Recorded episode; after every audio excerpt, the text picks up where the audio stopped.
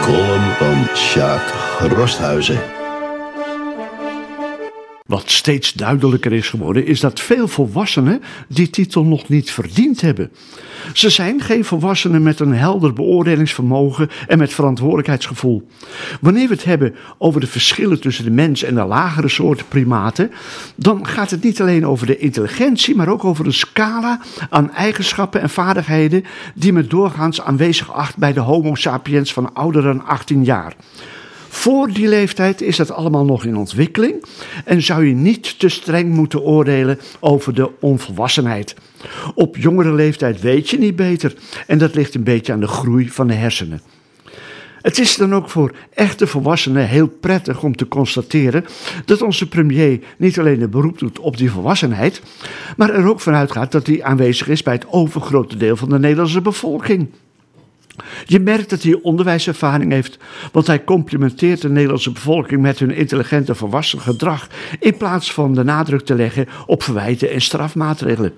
Nou, dat zie je niet overal in de wereld.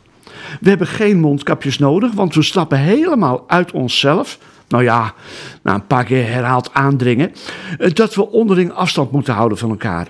Wie de boodschap nog steeds niet volledig wil ontvangen, mag je dus, ongeacht de leeftijden boven de 18 jaar, beschouwen als onvolwassen. Meerderjarige pubers dus. Voor echt volgroeide en uitontwikkelde Homo sapiens is het niet nodig dezelfde boodschap tig keer per uur uit te zenden via alle beschikbare kanalen. We hebben de afgelopen dagen de nadrukkelijke waarschuwingen weg te blijven van strand en bos zo vaak gehoord dat de hardnekkige puberale 18-plussers het juist als een spannende uitdaging gaan zien. En dan zijn er nog die Belgen en de Duitsers die in de paastijd naar ons land willen komen. En denken dat ze nu best mogen komen omdat het zo lekker rustig is in bos en bij strand. De verantwoordelijkheid die wij de afgelopen jaren in ons land gezamenlijk kunnen opbrengen, heeft de staatskas zo in orde gebracht dat wij de crisis waarschijnlijk kunnen overleven. In Spanje en Italië bijvoorbeeld is die verantwoordelijke intelligente volwassenheid stelselmatig, zelfs vanuit de overheid, veronachtzaamd. En zie wat ze zelf op de hals hebben gehaald. En maar jammeren dat wij ze niet uit de prut willen halen met onze spaarcentjes. Wie niet horen wil, moet voelen. We hebben ze de afgelopen jaren genoeg op de huid gezeten om iets verantwoorden met de uitgaven om te gaan.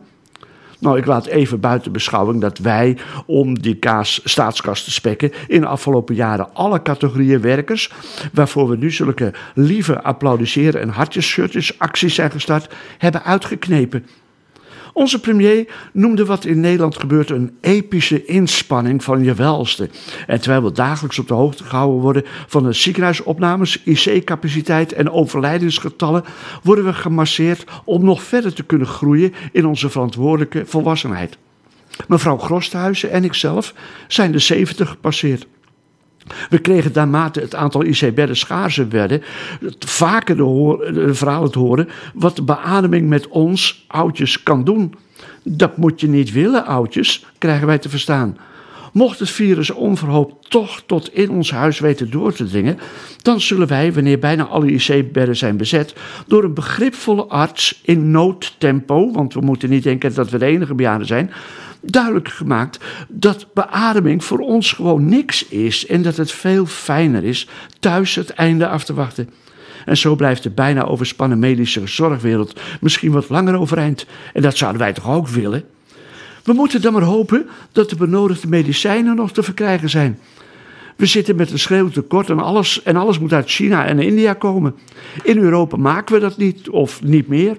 De aandeelhouders van de geneesmiddelenindustrie hebben dat gezien als een mooi verdienmodel. Hoe gedreven zullen die aandeelhouders na deze crisis zijn om wat er nu gebeurt nooit meer te laten gebeuren? Komen dat soort lieden nog op de buis om te vertellen dat zij hun verdiensten van het afgelopen jaar storten in een mooi noodfonds? Ik word steeds nieuwsgieriger naar de tijd na de coronacrisis. Na tijdsgewrichten als de Renaissance, de Verlichting, de Franse Revolutie, zitten we nu in de overgangsfase naar een compleet nieuwe geschiedenisperiode. En het is juist daarom dat ik graag nog een aantal jaren verder wil leven om te zien of het percentage echte volwassenen echt groter wordt.